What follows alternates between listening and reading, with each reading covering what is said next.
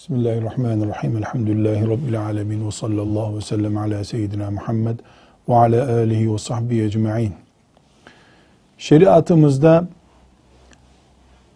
evlilikle beraber oluşan ev ortamının giderleri tamamen erkeğe aittir.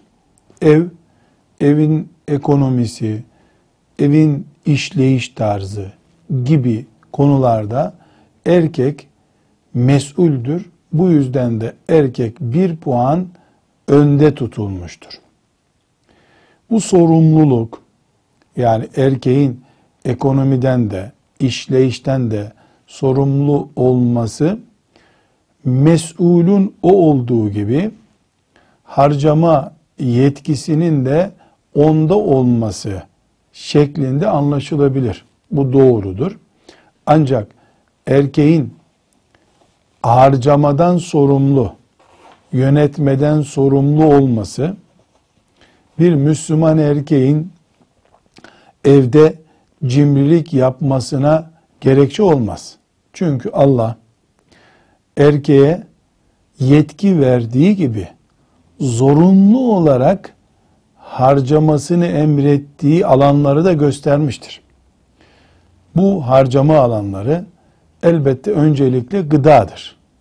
Yani evde kadının da e, çocukların da gıda masraflarını karşılayacaktır. Giyim masrafları da erkeğin sorumluluğu altındadır. Evin kirası ve benzeri giderleri de erkeğin sorumluluğu altındadır.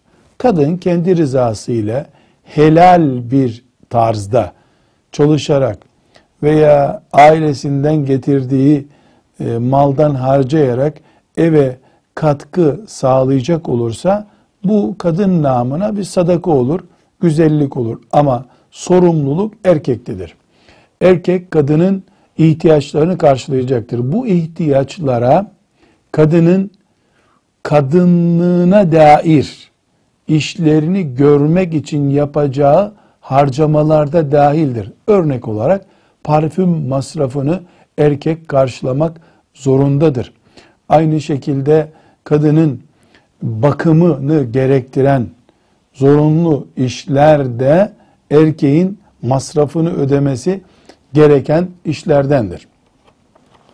Bu hususta erkek herhangi bir cimrilik ve kısıtlama yapması halinde Allah katında da mesul olacağı gibi e, şeriatın tatbik edildiği e, yetkili bir mahkemeye kadının müracaat edip hakkını almasını da gerektirebilir.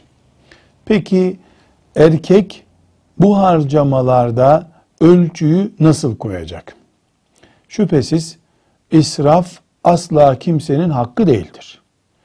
Modayı izlemek de kimsenin hakkı değildir erkek ne israfa ne modaya mecbur edilemez.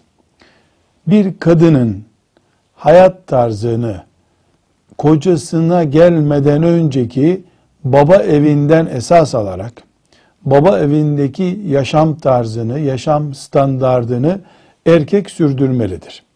Bu yaşam tarzı makul.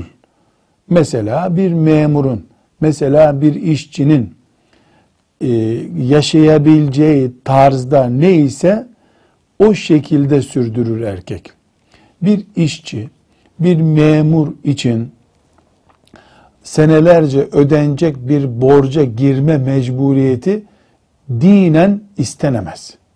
Ama işleri çok iyi olan bir esnafın biraz daha müreffeh, sanayicinin daha da müreffeh bir hayat sağlaması beklenebilir. Ama asla israf olmadan, lükse düşülmeden bunlar istenmelidir.